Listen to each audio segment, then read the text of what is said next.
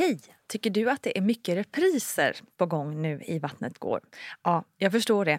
Det beror helt enkelt på att jag, Nina Campioni, just nu har en pop-up second hand i Modgallerian i Stockholm. Så min tid räcker helt enkelt inte tid att göra så många avsnitt som jag hade önskat. Men tills jag är tillbaka på full tid, kom gärna och hälsa på mig i Modgallerian. Vi ses! Man kan ju aldrig veta innan. Nej, Man skriver ett förlossningsbrev, man har en förväntning på sin eh, förlossning. Men sen där och då så vet du ju aldrig vad som händer. Nej. Och det tycker jag är viktigt att man tar med sig att ibland är det saker och ting i livet som man inte kan kontrollera. Och för mig var det väldigt skönt att bara jag som är en kontrollmänniska av rang i allting annat. För mig tror jag att det skönaste var att bara, nu måste jag bara släppa taget. Mm. Hallå, hallå, hej, hej kära lyssnare. Jag hoppas att du mår riktigt fint. Välkommen ska du vara till podden Vattnet går med mig Nina Campioni. Graviditet och förlossningar och sånt står på schemat som vanligt och denna vecka ska vi verkligen snacka förlossningar. Fyra stycken nämligen. Men innan dess vill jag såklart passa på att slå ett slag för vår kära mammagrupp på Facebook där vi är ett bra gäng föräldrar eller blivande sådana som hjälps åt kring allt möjligt i livet. Allt från förlossningstips till vad gör man med små barn som vägrar äta? Vad ska jag packa i förlossningsväskan? Ja, allt möjligt. Det är en supergrupp, jag lovar. Kom dit genast. Men nu över till veckans gäst som är ingen mindre än influensen Marika Axén. Och nu ska vi ta oss till Kalmar som känns väldigt hemtamt och härligt för mig eftersom jag själv faktiskt bott där i några år och har familj i stan. Men nog om mig. Marika hon är ett proffs på inredning med en klok skit i vad andra tycker inställning på Instagram. Och dessutom har hon inte mindre än fyra barn och det måste vi ju såklart höra mer I'm Sandra, and I'm just the professional your small business was looking for. But you didn't hire me because you didn't use LinkedIn jobs. LinkedIn has professionals you can't find anywhere else, including those who aren't actively looking for a new job but might be open to the perfect role, like me.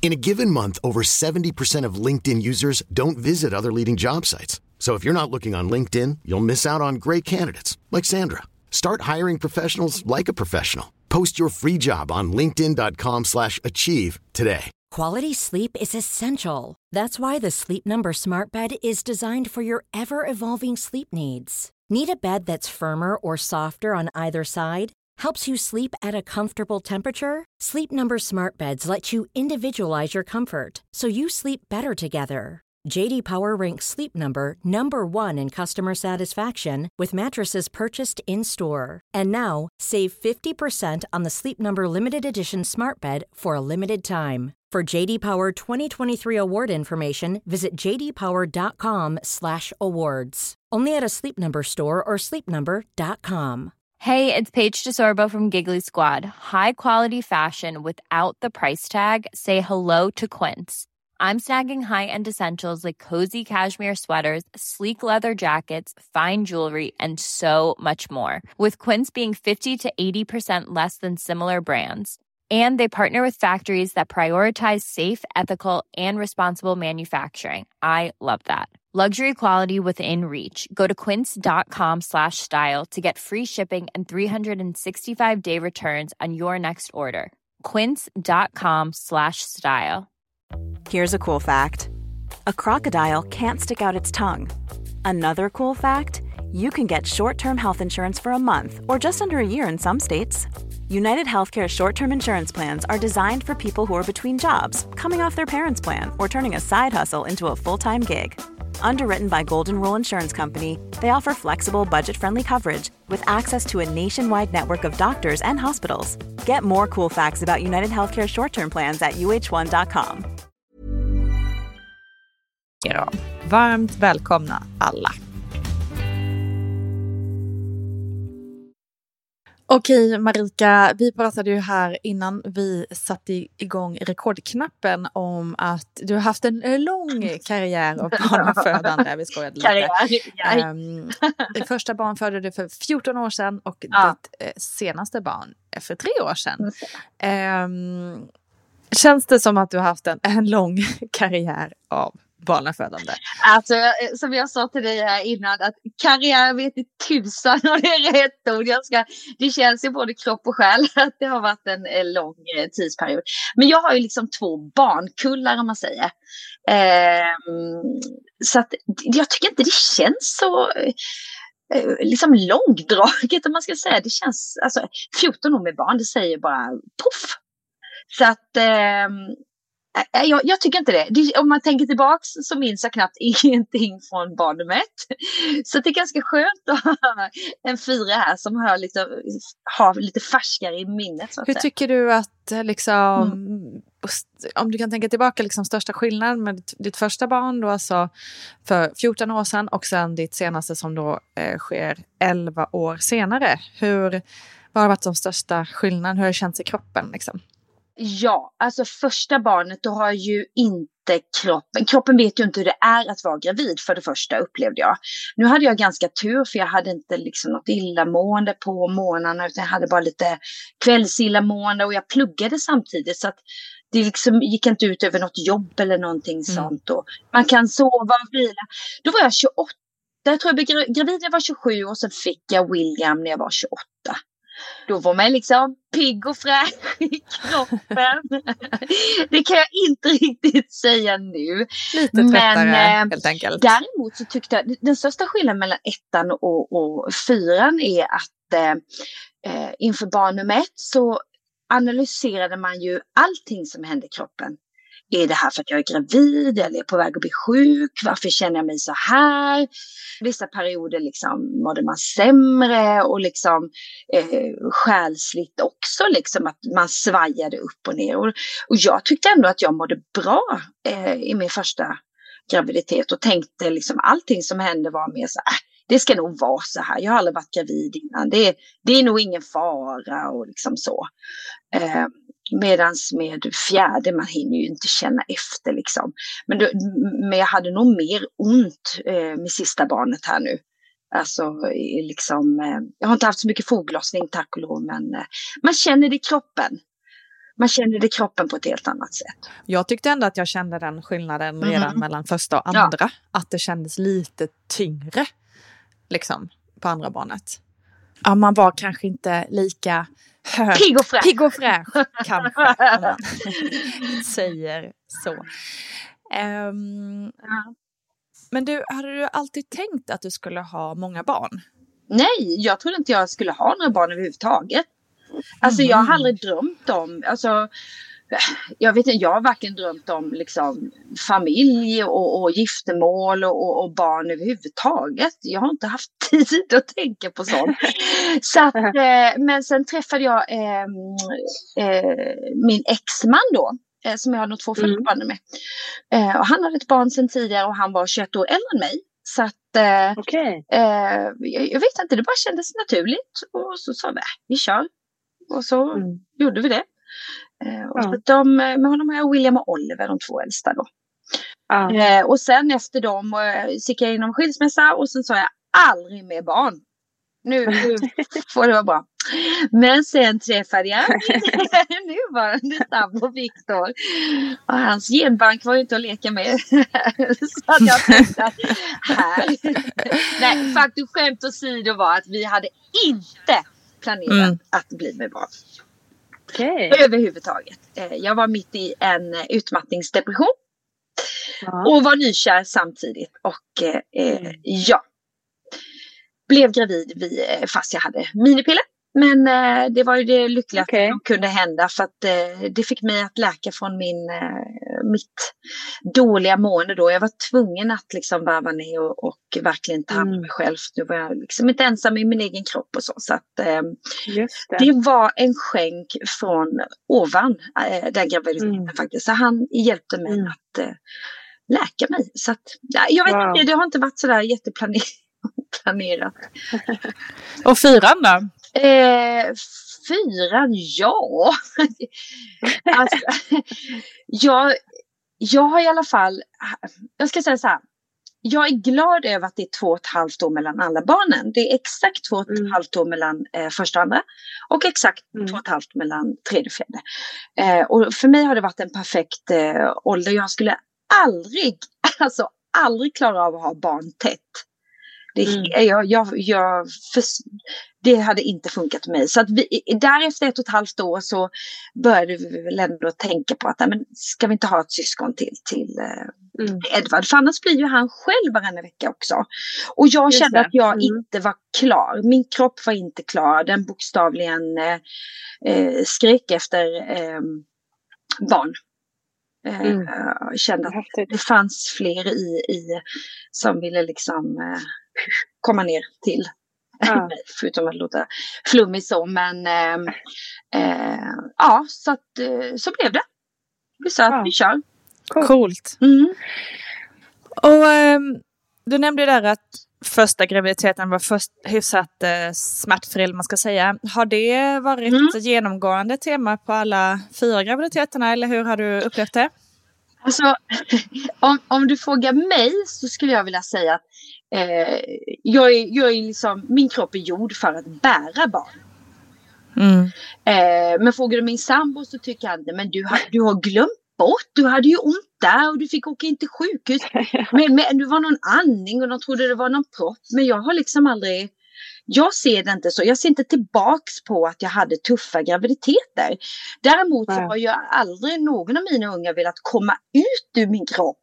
De har, har liksom fått bokstavligen dra och slita ut dem ur kroppen. För de vill, jag tror att jag har gett dem för mycket all inclusive där inne. Som simmat runt där i, De har i poolen gött. Så att de har inte velat komma ut. Så att eh, graviditeter har liksom varit min grej. Förlossningar, total katastrof. Alla fyra skulle jag säga. Alltså liksom, Är det sant? ja men de två sista blir ju bra för de fick jag ju planerade snitt med. Eh, men Mm, okej. De två första är ju anledningen till varför jag fick två snitt. Så att, Just det. Skapar Jag har nog haft tur. hos dig då? Ja, jo men det blev så. Så att, ehm, ja. Så graviditeten här kroppsligt tycker jag har varit bra. Mm. Förlossningarna, Mm. not so much. Okej. Men du nämnde ändå där eh, propp, men det var, men det var Mm. inte det då, eller? Nej, det Eh, var det inte. nej, det var det inte. Utan, men de, de är ju, det upplever jag. Jag vet att eh, vården och förlossningsvården och, eh, som är i Sverige har ju, behöver ju ses om och liksom skötas bättre. Men jag har alltid, peppar peppar, eh, blivit bemött eh, em, bra, eh, professionellt, blivit sedd, blivit tagen på allvar, blivit bekräftad eh, i alla mina graviditeter. Då har jag ju liksom fått mitt första barn 2008 nu fram till Mm. 2000, vad blir det, 19. Mm. Så jag har nog bara haft väldigt tur, eh, tror jag. Att man blir ändå förhoppningsvis bemött på ett bra sätt. Men att det som sker bakom Mm. märker inte vi av vad man säger när patienterna inte är i rummet utan eh, den här stressen och Ja. otroliga utmaningar som alla inom förlossningsvården har. Det måste vara Ja. eh, mer Ja. eller mindre fruktansvärt vissa dagar. Ja, Men du har ju fött alla dina barn i Kalmar, eller hur? Ja. Shoutout till Kalmar! Det måste jag flika in också, min svärmor är, eh, eh, har varit barnmorska hela sitt liv. Eh, Ah. det var faktiskt hon som Lyxigt. införde akupunkturen. Och har Oh, wow. utbildat akupunktur inom eh, förlossningsvård. Eh, Coolt. I Kalmar. Ja. Bra där. Mm.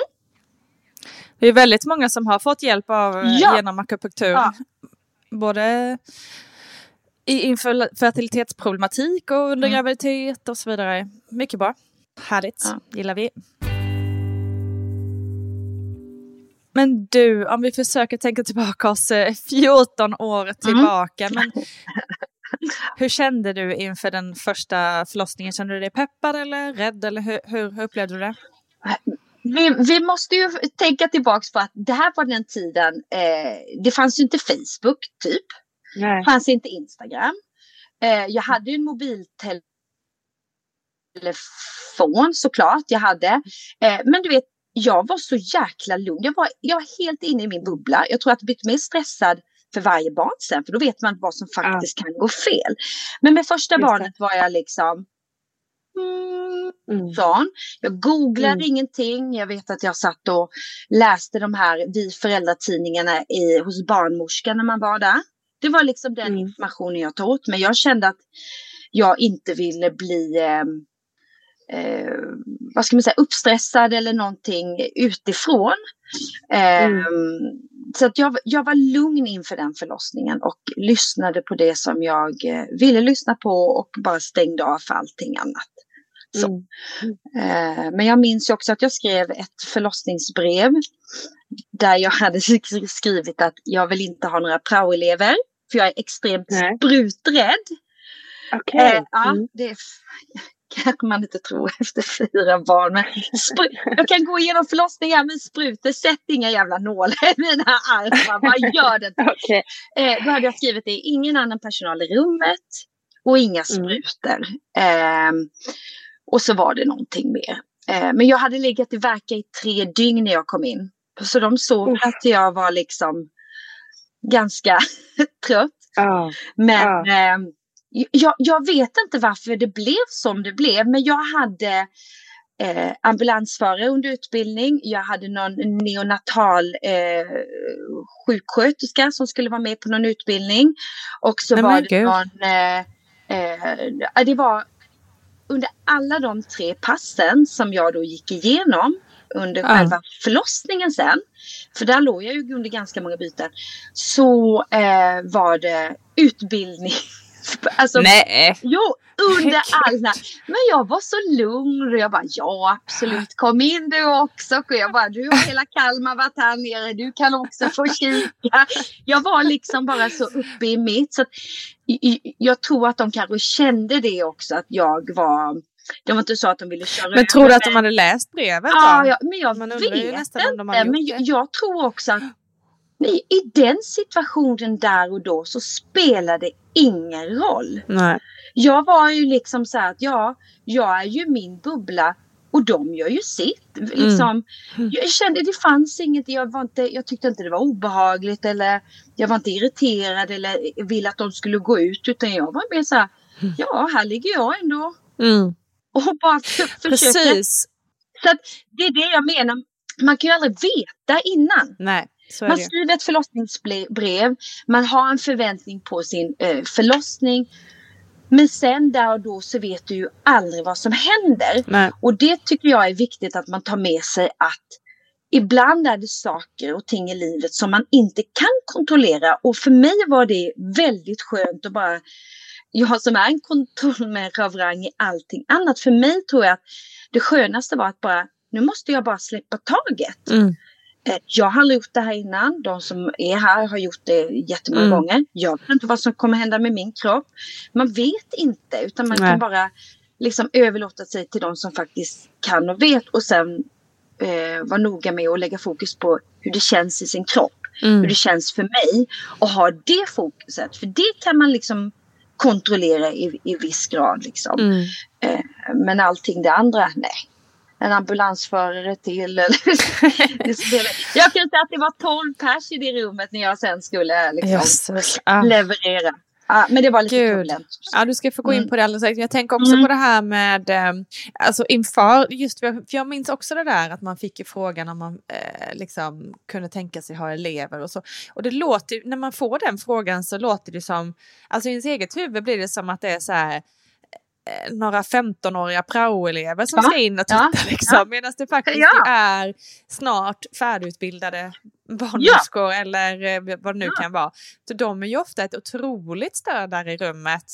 Speciellt nu under tiden som det är ganska eh, liksom ansträngt på förlossningsavdelningarna.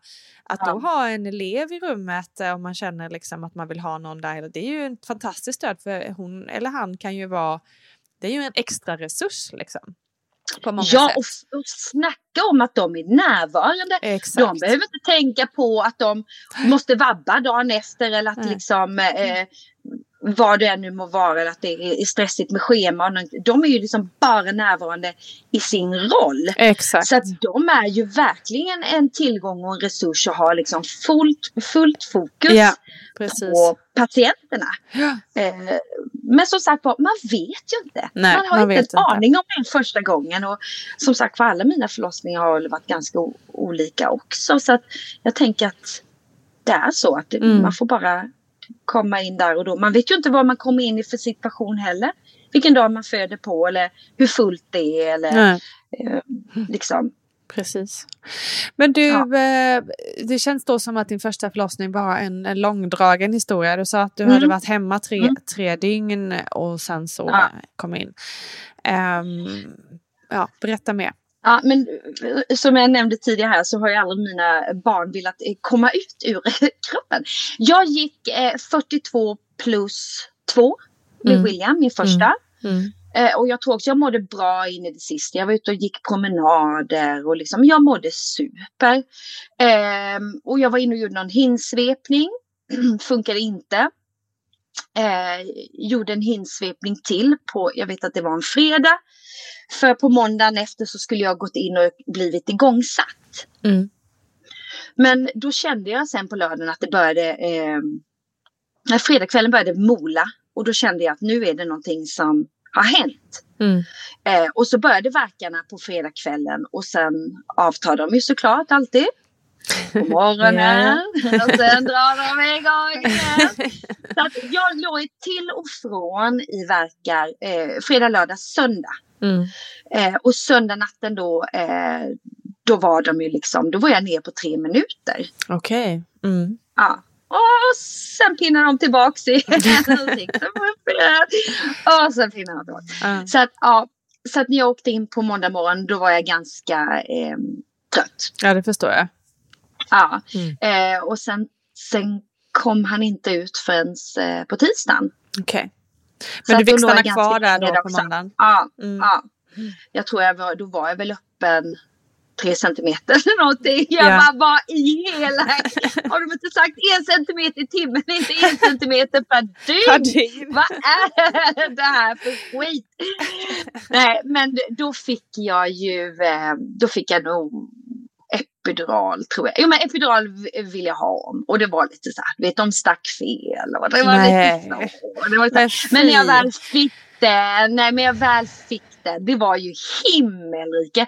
Alltså jag förstår inte hur man inte kan väl ta epidural. Jag förstår att man kan vara orolig för att den ska sätta sig fel, att man känner ena benet och inte andra. Men herregud, alla som varit hos tandläkaren och, och kan relatera till att liksom halva käken känns inte och halva käken. Jag bara ja, men testa. Jag får, jag får ha ett ben som är bortomnat då. Men Ja. den satte sig 100 procent. Jag bara...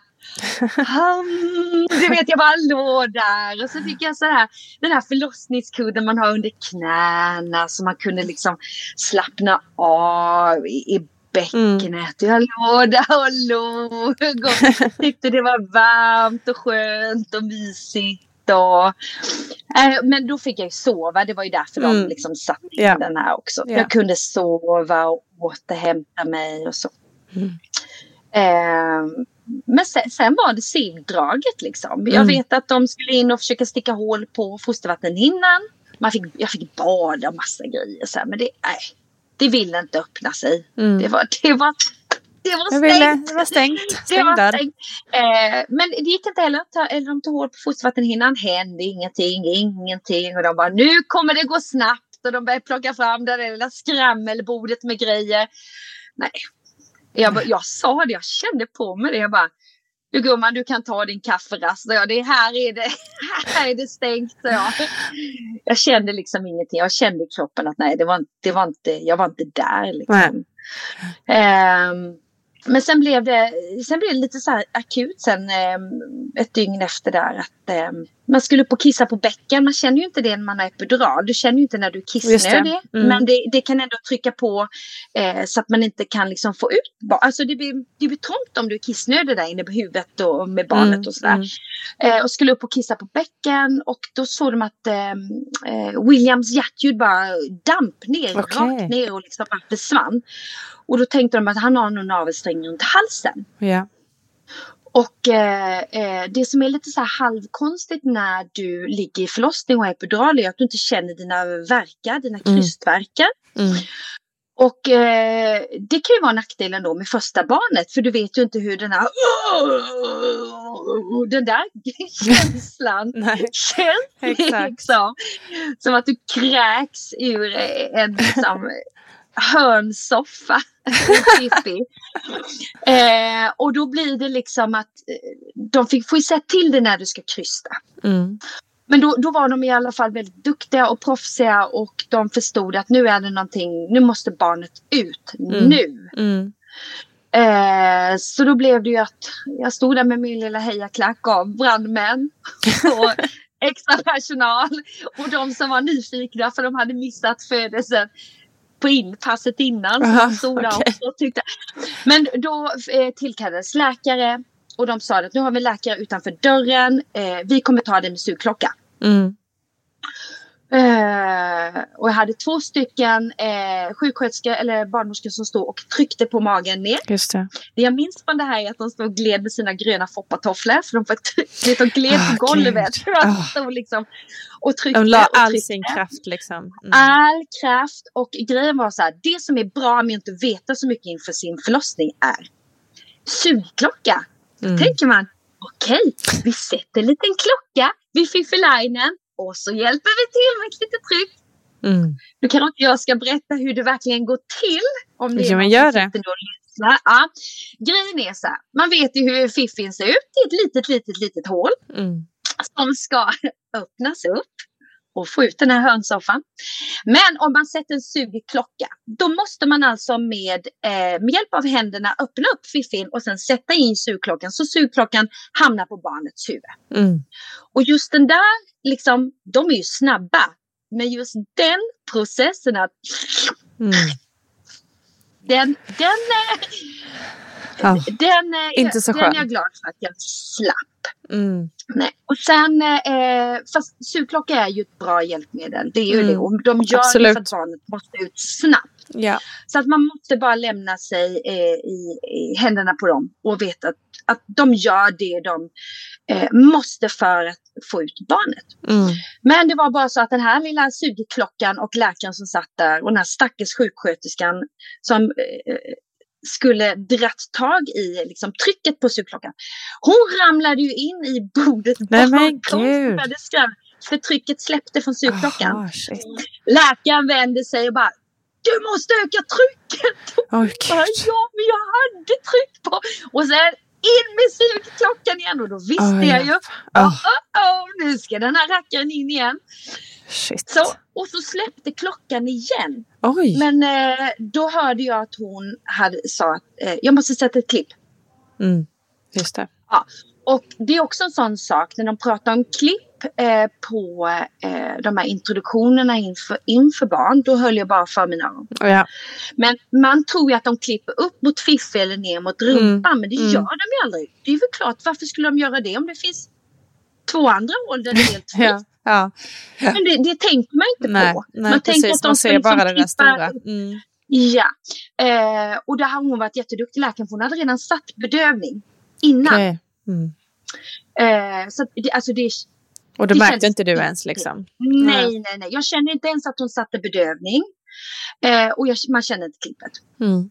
Ehm, och då hjälpte det liksom med en sista sån kluck. Och sen... Mm. Så, men då hade William navelsträngen runt halsen och han var ganska illa medtagen så de höll liksom bara upp honom för mig så. Mm. Och jag hann se att det var en snopp. Mm. Det var det jag minns. Mm. Men jag var aldrig nervös, jag var aldrig rädd. Jag var inte stressad över eh, att någonting kunde gå fel. Jag var så inställd på att det skulle gå bra. Mm. Däremot var min, då, nuvarande, eller min dåvarande man, han var livrädd. För Mm. han såg ju allt runt omkring. Och stå bredvid då som partner och vara helt... Eh, han, alltså man kan ju inte göra någonting. Nej. Och han fick se sitt barn liksom blå och livlös. Så han fick ju följa med ut och suga upp eh, fostervatten och sånt då. Så han trodde att William var död Mm. där ute. Mm. Eh, och han tyckte, har berättat sen, att han tyckte det kändes som en evighet att stå där ute. Mm. Eh, och någon skulle suga upp på det här. Medan jag bara... Ah, jag, var, jag var lugn och jag kände att för mig kändes det bara som att de var ute och vände och sen kom tillbaks. Eh, men när de kom tillbaks med honom, han var avtorkad och eh, då la jag honom till bröstet och han eh, började amma på en gång. Mm. Sen låg han och ammade eh, i en, eller vi låg där han, till bröstet då i en timme Mm. och det var så mysigt. Mm. Medan de liksom låg och, och, och tråcklade ihop Afghanistan där nere mellan benen. Det var krigszon och eh, sydde och eh, hade sig. Eh, och jag minns, jag minns så tydligt att jag sa det, ja, nästa gång Eh, då hoppas jag verkligen att det går snabbare. Och jag kommer ihåg att hon Ja, du tänkte ändå på nästa gång. Hon tittar fram där. Helt förvånad ut. Hon bara, jag har aldrig hört någon säga att nästa gång ska vi bättre. Under tiden vi är här nere och tråcklar ihop krigszonen. Nej, det är otroligt. Men då kände jag det att jag bara, ah, men nästa gång Mm. då får det fan inte gå så här lång tid. Men det, det, det minnet som jag har som är starkast från allting det här turbulenta, det är ändå amningen, att jag fick upp honom till bröstet direkt. Mm. Det var helt underbart och det har liksom blivit en, en ledstjärna för mig genom alla mina förlossningar sen. Även snitten har jag Mm. varit väldigt tydlig med det. att Är allting bra, mår barnet bra, så ska det upp till bröstet direkt. Mm. Och det har funkat med alla. Men wow, så att att det har varit så mysigt. kan det, det, att det är det du tog med dig, att det var det positiva, liksom, det är ändå otroligt. Ja. Tank, alltså, bli imponerad av din inställning där, liksom, att inte jag menar, att fokusera på det som gick eh, så väldigt bra. Eh, men kände du något efteråt? Ja. Liksom, ja, för det var, måste ju varit en ändå ganska fruktansvärd upplevelse på, på många sätt. Hur, hur, eh, hur, Men hur jag- kändes jag- det efteråt, dagarna efter och så? Jag har ju, alltså rent själsligt så mådde jag toppen. Man fick en baby blues där när eh, mannen skulle åka hem från eh, sjukhuset och när man ska bli kvar. Men jag var kvar för två, två eller tre dagar. Baby bluesen he- eh, slog ju till eh, ordentligt, har ju alltid gjort för mig. Mm. Eh, men jag blir mer tacksam och liksom ledsen och rörd över livet och allting man har. Alltså, Mm. det är inte, eh, man går in i lite minidepression men för mig har den varit mer en tacksamhetsdepression om man säger. Mm. Inte rädd för att barnet ska dö eller någonting sånt utan bara liksom en eh, stor tacksamhetsbubbla. Eh, fysiskt så kunde jag ju inte, jag var ju som, sagt bara sydd med Ja. ett klipp. Mm. Eh, och det, ehm, ja, jag kunde ju inte sitta eh, på väldigt länge. Eh, jag liggammade i, tror jag, två månader. Mm. Eh, men det var bara jättemysigt att få ligga ner. Du vet, man somnar ju med barn bredvid sig. Mm. Eh, alltså, det- var faktiskt, det var, det var bra tyckte jag. Mm. Eh, barnet var avslappnat, jag var avslappnad. Men jag återhämtade mig liksom kroppsligt förutom det här klippet då Mm. tyckte jag. Ja, det var det jag minns att jag hade väldigt ont. Men eh, vi hade en eh, man kanske tror att det ser för jävligt ut där nere efteråt. Och eh, vi hade en så duktig eh, sjuksjö eller barnmorska. Jag tror till och med att det är ganska hemskt, men jag tror de kallar henne så Hitler-Helena eller någonting. Hon var så här, ho, ho, ho, Ja, ho, du vet, okej. så här liksom. Ditt barn skriker, det behöver mat. Ditt barn, du vet så här Ja, liksom. ja, Föräldrar som är lite, hon verkligen så här, det här barnet skriker för att den är, behöver närhet, kärlek, trygghet, byta Mm. blöja, äta, dunk, dunk, dunk. Hon var väldigt så här, det fanns inget tvivel om någonting. Det var Mm. väldigt bra. Eh, hon bara kom in med en spegel. Här, nu ska du kolla dig. Hur du ser ut. ja. Och så stod hon där. Jag bara, okej, okay. vet vad det bespeglar. Och jag blev faktiskt chockad över hur fint det var. Alltså, det är ju ja. ingenting, alltså du ser ut som vanligt, det är bara ja. att ha ett litet, du har ett litet snitt och sen är det eh, stygn då som är liksom i naturfärgad, vad ska man säga, mm. tråd då som löser upp sig av sig själv mm. sen. Så det var ju liksom, ja. Mm. Nej men jag alltså vet. det här ser det är helt fantastiskt och jag var så glad att hon gjorde det. Mm. Eh, för att man tror att ja, men det kan ju bli ihopkopplat sen när man ska Exakt. ha sex och sånt. Då. Ja visst. Men jag var precis så samma sak. man ser ut som en krigszon fast att man känner sig som en krigszon. Ja exakt. Jag hade precis samma upplevelse när jag var på efterkontroll och jag fick också fråga, då var det mer frågan vill du titta? Aha, ja. och, och jag och bara, alltså jag var så nervös. Jag tänkte också att det skulle se ut som, och jag hade ändå inte alltså, gått igenom det. Jag hade kanske jag hade några få stygn. Mm. Eh, men jag tänkte verkligen herregud, det kommer se ut som köttfärs ah. typ. men så bara så såg jag bara, ah. herregud det ser ut precis som vanligt. Det såg så ja. friskt och fint ut. Så man är ja. ju eh, lite rädd alltså och oftast, ah. ja, men, men det är nog, jag tror också det är en bra uppmaning att liksom, ja, ja men dels titta verkligen. även innan man har fött eller liksom att ha mm. en relation till, ja. till sitt underliv är ju, ja. Eh, det är få kvinnor tror jag som, som har det. Um, och det är någonting vi bör, skulle behöva ändra på. Ja gud, nej men jag, jag visste precis, jag har alltid varit så här, okej okay, det är väl skitbra, vet precis som du säger, vet hur man ser ut liksom. Mm. Eh, och sen, ja, för mig blir det en sån här empowering sak också. Mm. Som kvinna bara, fy fan vad coolt, jag har klämt ut den här, mm. den här eh, lilla eh, bebisen. Och, och liksom bara Fiffi levererar. Hon mm. har ju mm. fan blivit uppklippt. och ändå bara så här, ja. Bara anpassar sig och är så jävla cool. Ja, det, det blev en sån här, jag vill verkligen säga, jag fick sån boost av det. Så jag gick där med spegeln sen och bara så här, Snyggt jobbat gumman! Fan vad snygg du är! Att man liksom så här, ja, men jag, jag, för mig blev det så. Jag tyckte att det var en, eh, det blev en boost liksom. Mm. Otroligt. Det tyckte jag. Hi, I'm Daniel, founder of Pretty Litter. Did you know cats tend to hide symptoms of sickness and pain? I learned this the hard way after losing my cat, Gingy. So I created Pretty Litter, a health monitoring litter that helps detect early signs of illness by changing colors, saving you money and potentially your cat's life. Pretty Litter is veterinarian developed, and it's the easiest way to keep tabs on your fur baby's health right at home. Go to prettylitter.com and use code ACAST for 20% off your first order and a free cat toy. Terms and conditions apply. See site for details. Quality sleep is essential. That's why the Sleep Number Smart Bed is designed for your ever evolving sleep needs. Need a bed that's firmer or softer on either side? Helps you sleep at a comfortable temperature? Sleep Number Smart Beds let you individualize your comfort so you sleep better together. JD Power ranks Sleep Number number 1 in customer satisfaction with mattresses purchased in-store. And now, save 50% on the Sleep Number limited edition Smart Bed for a limited time. For JD Power 2023 award information, visit jdpower.com/awards. Only at a Sleep Number store or sleepnumber.com. One size fits all seemed like a good idea for clothes. Nice dress. Uh, it's a it's a t-shirt. Until you tried it on. Same goes for your healthcare.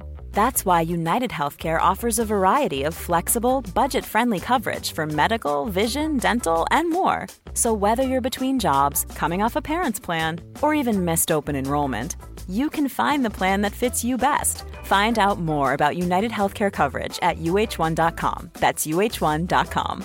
Hey, it's Ryan Reynolds, and I'm here with Keith, co star of my upcoming film, If, only in theaters, May 17th. Do you want to tell people the big news? All right, I'll do it. Sign up now and you'll get unlimited for $15 a month in six months of Paramount Plus Essential Plan on us. Mintmobile.com slash switch. Upfront payment of $45 equivalent to $15 per month. Unlimited over 40 gigabytes per month. Face lower speeds. Videos at 480p. Active Mint customers by 531.24 get six months of Paramount Plus Essential Plan. Auto renews after six months. Offer ends May 31st, 2024. Separate Paramount Plus registration required. Terms and conditions apply if rated PG. Hey there, it's Michelle Norris. I'm host of a podcast called Your Mama's Kitchen. When I travel, I'm usually looking for a way to find a taste of home when I'm not at home. And one of the things I love to do when I am at home is entertain. And Airbnb allows me to do that. When I was in California recently, I rented a house that had a great kitchen. And when we were sitting around the table, we're all thinking, we're in someone else's house. Someone could be in all of our homes as well. If you have a home, but you're not always at home, you have an Airbnb. Your home might be worth more than you think. Find out how much at airbnb.com/slash host. Så bra.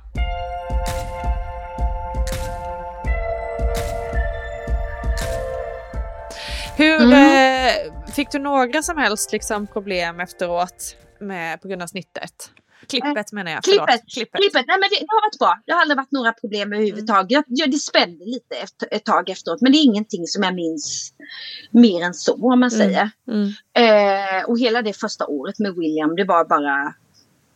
Jag var, det var första barnet är någonting väldigt speciellt. För mig var det det i alla fall. Eh, och få den tiden och, eh, och så. Eh, så den förlossningen var ju, eh, trots att det, jag har förstått i efterhand att den har satt trauman som jag inte, eh, som när jag pratar om det så här, eh, Mm. inte är ett trauma. Men i en gravidsituation.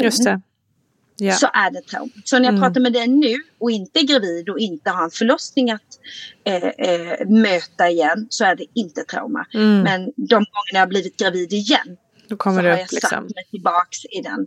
Eh, och det har varit bra att skilja på det också att det inte är någonting som har satt sig liksom i kroppen. Förutom i en gravidsituation. Mm. Eh, men i, i, i, med facit i efterhand så här så var ju faktiskt den eh, förlossningen inte så farlig om man säger jämför med nummer två. Mm. som jag trodde inte skulle, som jag hoppas på att det inte skulle bli så farligt. Mm. För då var det inte eh, barnet som höll på att stryka med, då var det jag. Okej. Så att jag hade verkligen en sån eh, eh, när det bara, och det stod inte i några protokoll eller någonting för jag fattade inte vad det är som hade hänt förrän efteråt. Men jag såg ju min förlossning från eh, taket. Är det sant? Ja, så att jag, eh, jag var så smärtpåverkad eh, minns jag och tänkte att jag var öppen ganska mycket när jag kom in. Då hade jag bara legat ett och ett halvt dygn Mm. hemma. Mm. Så att jag hade ändå halverat tiden enligt statistik. Brukade Just gå det. hälften Exakt. snabbt. Så att det är ändå inom statistiken. Eh, och så tänkte jag så här, ah, men nu är ändå öppen ganska mycket, jag skiter i epiduralen. Ehm, men eh, det var någonting, jag vet, jag vet inte vad det var. Men jag blev, jag är ändå ganska, eller jag är väldigt smärttålig Mm. som person. Men jag vet det var någonting, om det var någonting som var fel eller galet. Men det var, det hade så, i och för sig en förlossning. Det gör jävligt ont. Mm.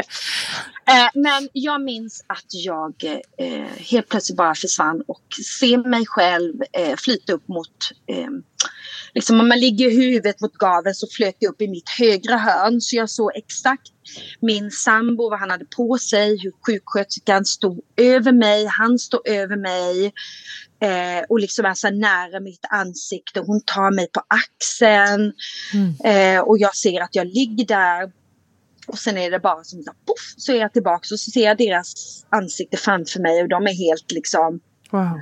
eh, chockade att de så här, shit vad fan tog du vägen liksom. Ja. Så hon springer ut och hämtar läkare men då var allting bra. Ljudet i mig var bra, liksom mina hjärtljud var bra, barnets hjärtljud var bra. Eh, men jag bara, ni måste ge mig epidural nu sa jag. Ja. Shit. Eh, så det var någonting med det. Jag vet att eh, vissa säger att just med lustgas och sånt ju att det kan ge lite så här hallucinogena Mm, grejer att mm. man får lämna rummet. Eh, men nu har inte jag varit med om det innan men Ja, vad obehagligt. Eh, för mig var det en annan, jag är, jag är lite så här flummig och lite eh, uppkopplad och sådär. Liksom. Mm. För mig var det så tydligt vad det var jag hade varit med Mm. om. Mm. Ehm, så att ja, det, det var också konstigt. så att efter den förlossningen så sa jag, blir jag gravid igen, då ska den plockas ut eh, VIP-entrén. Ja. Här ska det inte ut mellan fiffen Nej. igen. Nej. Nu är hon stängd. Nu har hon checkat ut.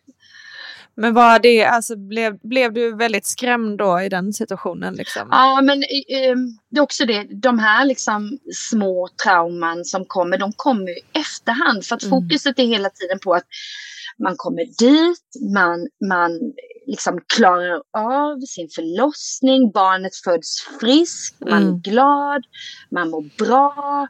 Eh, och som jag sa, att det är inte förrän i en ny gravidsituation som de här Mm. traumorna blir verkliga igen. Mm. Och som man, man, liksom, man återupplever dem igen. Mm. Så att då när jag blev eh, gravid med eh, Edvard, då var jag som jag sa, eh, det är mitt tredje barn, då var jag inne i en eh, förlossningsdepression. Och det kan vara också att eh, hade med det att göra. Så jag, jag är inte på den eh, mentala platsen som jag var med nummer ett och nummer två. Eh, jag har inte den styrkan nu. Mm.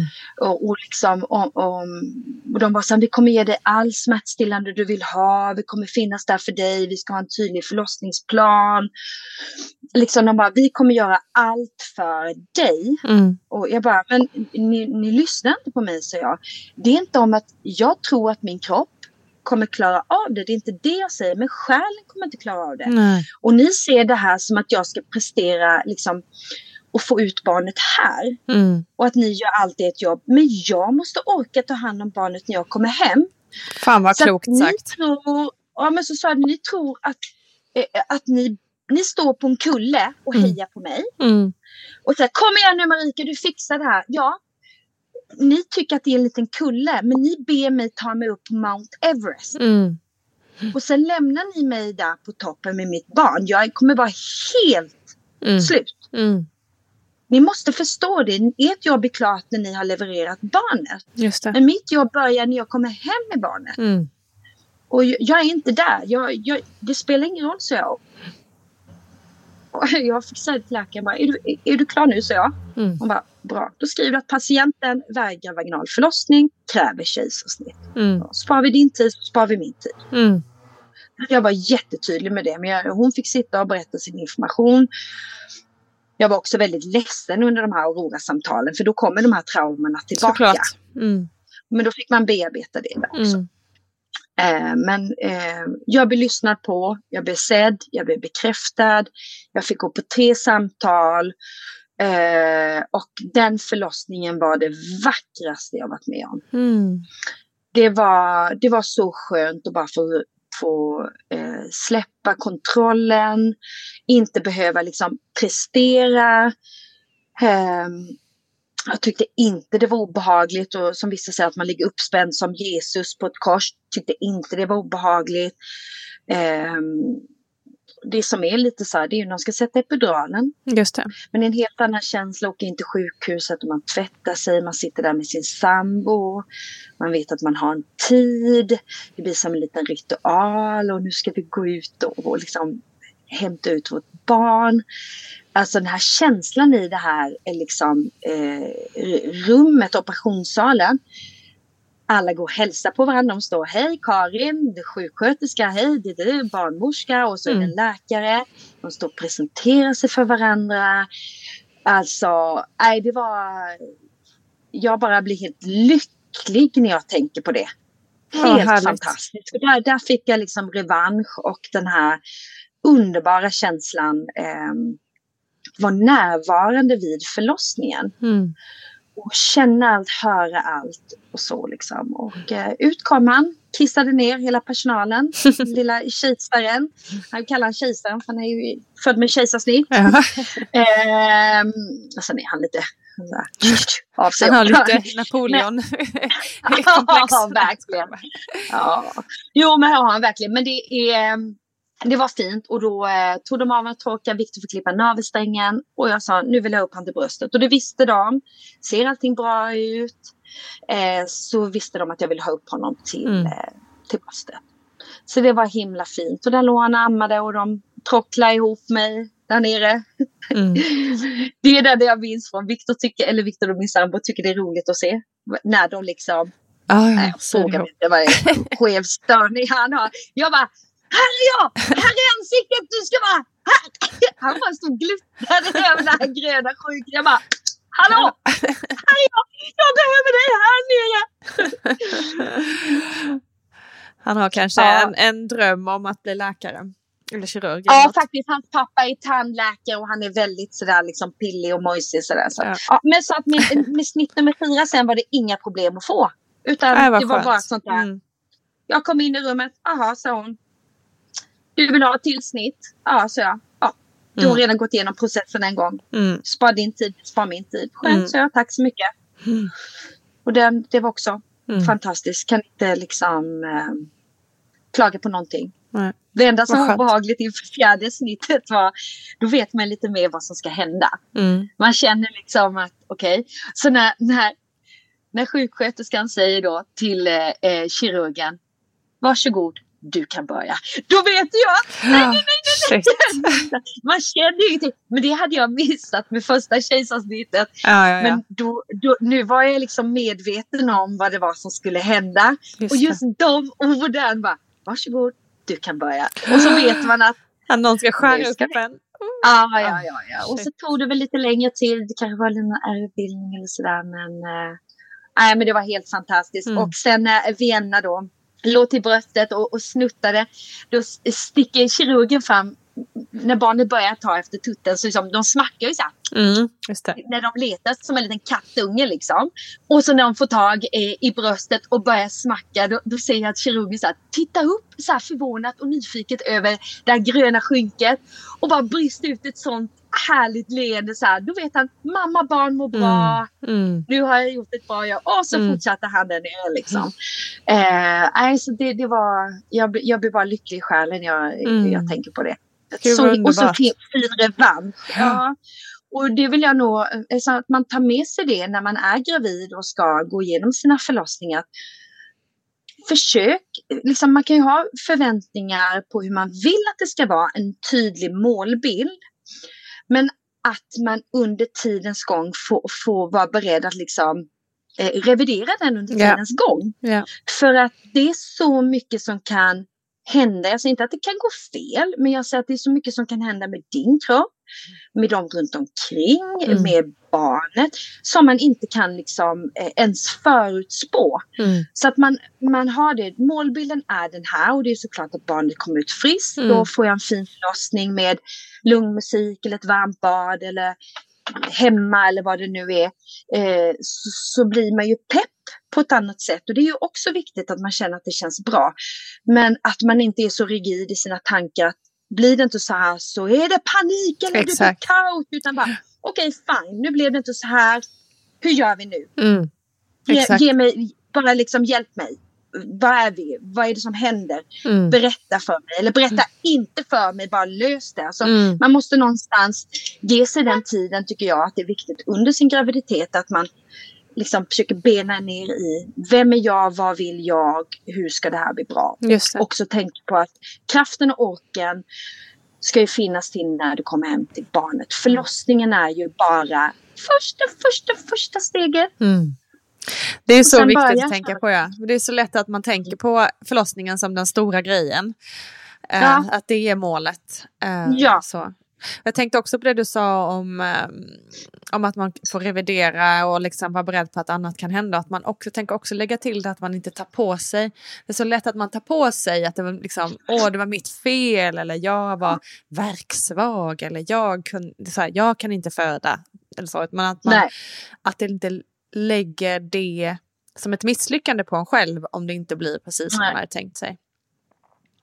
Helt rätt för att det är som med, med vad som helst. I, liksom, nu säger inte jag att, att föda barn är en prestation, men när, när du ska göra någonting där du ska liksom leverera eh, vad det än är, så, så, så vet du inte, har du inte varit i den situationen innan, så vet du inte hur kroppen reagerar. Och Mm. bara ta, liknelse med alla som springer triathlon eller maraton. Det spelar ingen roll om de har gjort det två eller tre gånger. Det, det kan ju vara jätteskillnad på hur kroppen är, vilket Ja. skick den är, hur Absolut. kroppen reagerar. Och, och man vet aldrig det. Och ehm, precis som du säger, det viktiga är ju att du Alltså jag skulle nog aldrig eh, använda verksvag. Fy fan Mm. vilket nedvärdigande. Jag vet, ett hemskt ord. Ett hemskt ord. vad var det? Ver- Verksvag? Jag, fan, jag är verkstark. Det är Ja. bara att de inte kommer att Exakt. leverera det som jag har tänkt mig. Nej, precis. Jämfört med vem är jag verksvag? Ja. Vad fan? Nej, det är så dumt Nej, men ord. att, att man liksom eh, försöker, eh, hur svårt och dumt den är, eller hur låter att säga så här, att peppa sig själv hela tiden och tänka så här, fy fan vad jag är grym, jag klarar det här. Eh, det blev inte som jag tänkt mig, men jag är fan grym ändå. Och Mm. det här kommer liksom ha den här eh, inre bilden, klappa dig själv på axeln, var snäll mot dig själv, inga negativa ord överhuvudtaget whatsoever, utan Mm. bara det här kommer gå bra. Det kan inte bli som jag har tänkt mig, men det kommer gå bra. Mm. Och går det inte bra just nu så kommer det ändå lösa sig.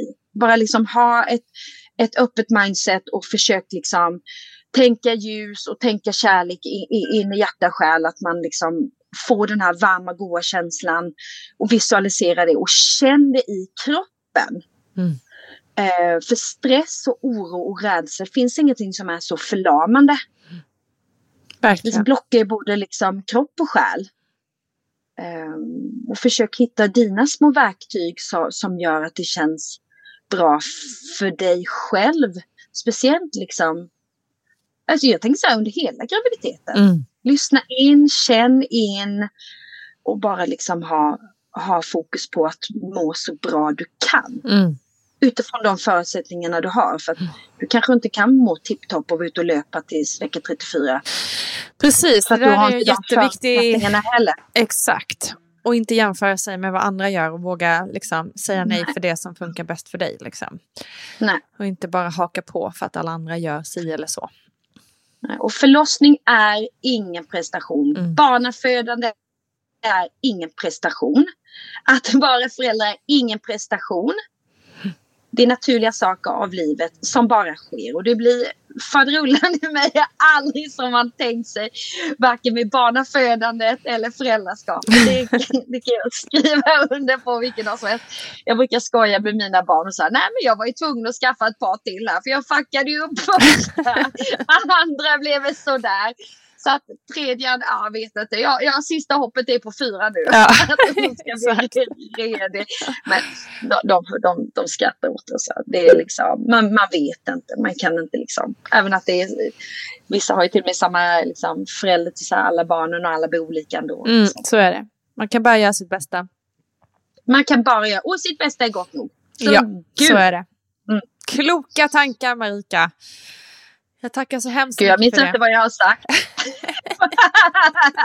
det är som förlossningar, man förtränger dem Du, behöver, du svävar här någonstans ovanför taket och ser dig själv.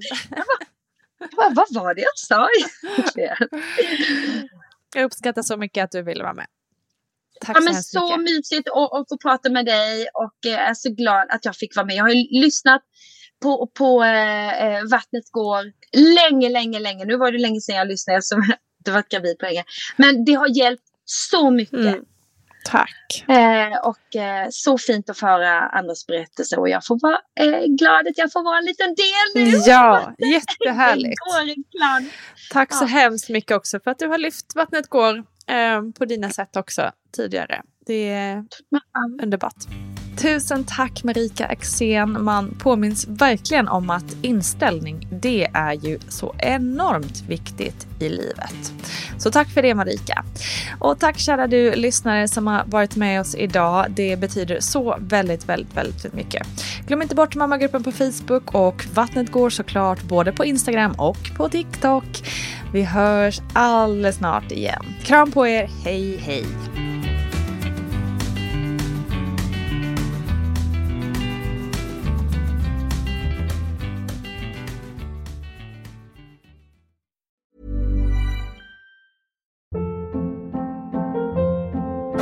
Hold up. What was that? Boring. No flavor. That was as bad as those leftovers you ate all week. Kiki Palmer here, and it's time to say hello to something fresh and guilt-free. Hello Fresh. Jazz up dinner with pecan-crusted chicken or garlic butter shrimp scampi. Now that's music to my mouth. Hello Fresh. Let's get this dinner party started. Discover all the delicious possibilities at hellofresh.com. Even when we're on a budget, we still deserve nice things. Quince is a place to scoop up stunning high-end goods for 50 to 80% less than similar brands. They have buttery soft cashmere sweaters starting at $50, luxurious Italian leather bags, and so much more. Plus, Quince only works with factories that use safe, ethical, and responsible manufacturing. Get the high-end goods you'll love without the high price tag with Quince. Go to quince.com slash style for free shipping and 365-day returns. Imagine the softest sheets you've ever felt. Now imagine them getting even softer over time. That's what you'll feel with Bowl and Branch's organic cotton sheets. In a recent customer survey, 96% replied that Bowl and Branch sheets get softer with every wash. Start getting your best night's sleep in these sheets that get softer and softer for years to come. Try their sheets with a 30-night guarantee. Plus, get 15% off your first order at bowlandbranch.com. Code BUTTERY. Exclusions apply. See site for details. Hi, I'm Daniel, founder of Pretty Litter. Did you know cats tend to hide symptoms of sickness and pain? I learned this the hard way after losing my cat, Gingy. So I created Pretty Litter, a health monitoring litter that helps detect early signs of illness by changing colors, saving you money and potentially your cat's life. Pretty Litter is veterinarian developed, and it's the easiest way to keep tabs on your fur baby's health right at home. Go to prettylitter.com and use code ACAST for 20% off your first order and a free cat toy. Terms and conditions apply. See site for details.